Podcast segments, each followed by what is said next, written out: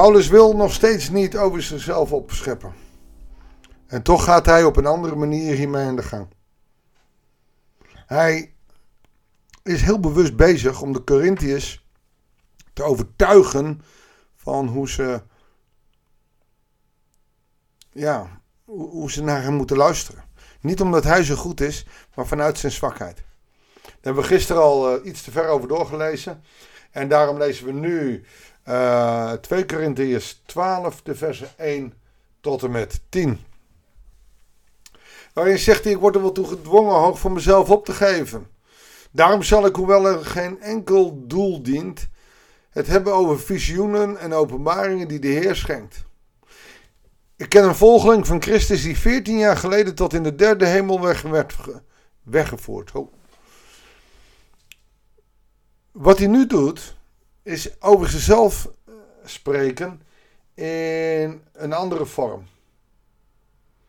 Hij spreekt in hem, eh, over hemzelf in de derde persoon. Een mens, zo iemand, diegene. Ik ken een volgeling, ja, dat is hij zelf, die 14 jaar geleden tot in de derde hemel werd weggevoerd. Wat is nou die derde hemel?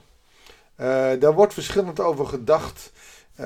De Joodse hemel um, zou je kunnen zien als ehm, één. De eerste hemel is de wolkenhemel, is de atmosfeer. De tweede is de sterrenhemel, dus het heelal, dat staat verder weg. En drie wordt dan gezien als woonplaats van God. Daar kunnen allerlei allegorische uh, theorieën op na worden gelaten. Uh, zoiets als een uh, gradatie. De, eerste etage, tweede etage, derde etage. Ik vind deze uitleg eigenlijk een van de mooiste en het meest heldere. Uh, je ziet dus de wolkenhemel, nou dat is de atmosfeer, daar zie je. De sterrenhemel is veel hoger, heet heelal. En dan Yuri Gagarin, die kon uh, in, in, in, het heelal zijn, maar nog niet God zien. En waarom daarboven, daaromheen, daar is de hemel. Dat is ook nog weer niet helemaal waar, maar het is wel een, uh, een, een, perspectief die vanuit het Jodendom op dat moment geldt. Dat wij een vierde dimensie zien, dat God in die vierde dimensie is, om ons heen en wij zien hem niet. Dat is iets wat in de Bijbel nog niet uh, tot hun gedachten uh, kon spreken. Dus ze had eigenlijk een tweedimensionaal beeld. Je had een, soort van plat beeld als ze het symboliseerden. Ik ken dus een volgeling van Christus die 14 jaar geleden tot in de derde hemel weg, weggevoerd. In zijn lichaam of buiten zijn lichaam. Dat weet ik niet. Dat weet alleen God. Oftewel, hij weet niet of hij hier dit gedroomd heeft, een visioen was, of dat hij uit zijn lichaam is getreden en weer teruggegaan. Uh, werd weggevoerd tot in het paradijs en dat hij daar woorden hoorde die geen mens kan en mag uitspreken. Hemelse taal. Van zo iemand wil ik hoog opgeven. Het raar is dat dit voor 99% gewoon over zichzelf gaat. Maar dan zegt hij, wat mijzelf betreft zal ik me slechts voorstellen op mijn zwakheden. Dus als ik iemand had die in die hemel is geweest, of in die gedachten, die visioenen, of die profetieën had, nou daar zou ik hoog van opgeven. Oh, hier zit weer een soort van sarcastisch, van zo iemand, daar zou ik hoog opgeven. Maar van mezelf? Wellicht als mensen wisten wie hij was, zou het heel anders zijn. Want dan zouden ze weten dat hij die visioen had gehad. Hij haalt het hier dus uit elkaar. Hij zegt over mezelf praat ik uh, in mijn zwakheden. Maar je moet wel weten dat ik daar ben geweest. Dat ik dat visioen heb gehad. En zelfs als zou ik hoog van mezelf willen opgeven. Dan zou ik geen dwaas zijn. Want ik zou de waarheid spreken. Maar ik zie er van af, want ik wil worden beoordeeld op grond van wat men van mij hoort en ziet. Dus het verleden en uh, alles wat ik, ik weet, weet je, daar laat ik me niet op voorstaan. Wat jullie zien, dat is mijn zwakheid.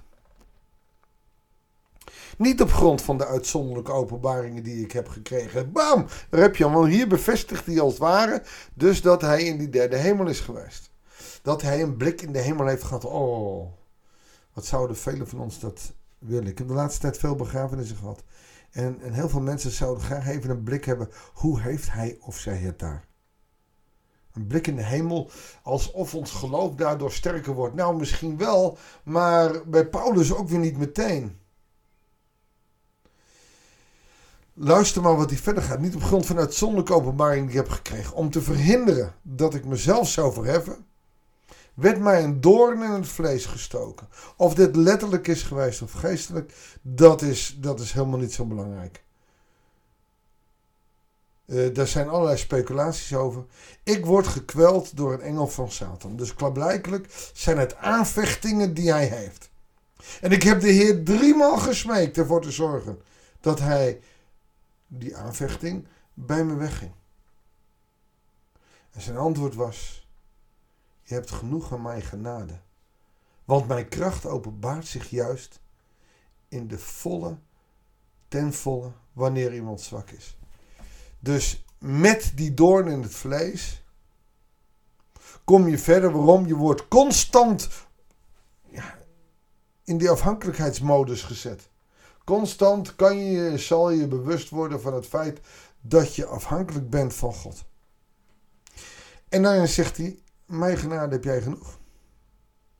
Je kan wel willen genezen, je kan wel alles van je af willen hebben, maar dan heb je mijn genade ook niet meer nodig. Hij laat Paulus die doorn in het vlees houden, die aanvechtingen. Waarom? Zodat hij weet dat hij altijd naar de genade moet dit is weer een beeld alsof God hem dat zou hebben gegeven. Uh, je zou ook kunnen zeggen: alles werkt mede te goede wanneer je tegenslag, moeite of zorg hebt. En je kan dan in de genade van Christus blijven. Dan, dan heb je dus genoeg. Want jouw kracht wordt geopenbaard wanneer je zwak bent. Het getuigenis van iemand die ziek is en vanuit zijn ziekte getuigt is vele malen sterker dan iemand die zegt als hij beter is. Nou, je moet altijd blijven geloven. Getuigenissen kunnen dus een prachtige uh, aanvulling zijn op een preek. Maar goed, God heeft dus gezegd: aan mijn genade heb je genoeg. Dus ik laat me veel liever voorstaan op mijn zwakheden, opdat de kracht van Christus in mij komt wonen. Daar is die afhankelijkheidsrelatie. Als ik zwak ben en zelf niet sterk, mijn ego niet opgedoft zo van ik kan het wel even, dan zal ongelooflijk, maar dan zal van Christus niet bij je kunnen komen. Maar als je dus zegt, ik ben niks, ik kan niks vanuit mezelf.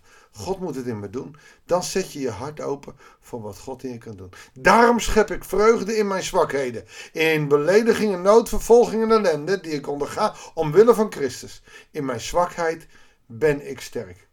En dat wil ik tegen alle mensen zeggen. Ik niet, maar Paulus mag het zeggen. Hij zat in de gevangenis. Hij had het moeilijk. En die zwakheid die gebruikt hij als krachtbron. Als Paulus in een mooi luxe uh, uh, resort had gezeten en had gezegd: Ja, je moet geloven in Jezus. En hij zat in een mooi resort, zou nooit iemand hem geloofd hebben. Maar vanuit het lijden is het veel beter. Weet je waar ik van onder de indruk ben? Niet van al die mooie preken die ik hoor, maar van iemand die op sterven ligt en God zo heel dichtbij en nabij voelt. Daar ligt zoveel kracht in. Deze mens heeft al zijn kracht verloren. Die ligt in zijn zwakheid in een bed dood te gaan. En dan ervaart hij of zij God. Want in mijn zwakheid ben ik sterk. Heere God, we bidden tot u. En we willen helemaal niet zwak zijn. We, we, willen, we willen sterk zijn, Heere God. In, in uw liefde en uw genade willen we sterk zijn. En toch, dan gaat het niet om dat we als watjes moeten optreden. Maar moeten zeggen, ik ben niks. Zonder u, Heere God, zijn wij niks.